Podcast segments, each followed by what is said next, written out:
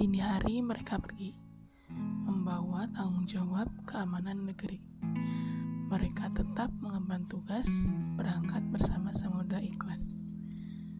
Tidak ada ucapan kecuali nyanyian pantang mengeluh, walau isi kepala dipenuhi kata-kata nyawa yang ditaruh. Suatu hari, gemuruh itu datang bersama dengan angin kencang Cemas bukan kepalang, menunggu sang pahlawannya datang.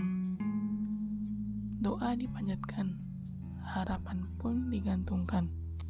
Ternyata ia pergi, bukan untuk kembali, bukan untuk kembali ke luasnya hamparan padang, tetapi ke kolam penuh karang. Namun, ia disambut disambut oleh samudra penuh bahagia karena dijaga oleh putra terbaik bangsa selamanya. Ia tak lagi membutuhkan kanal.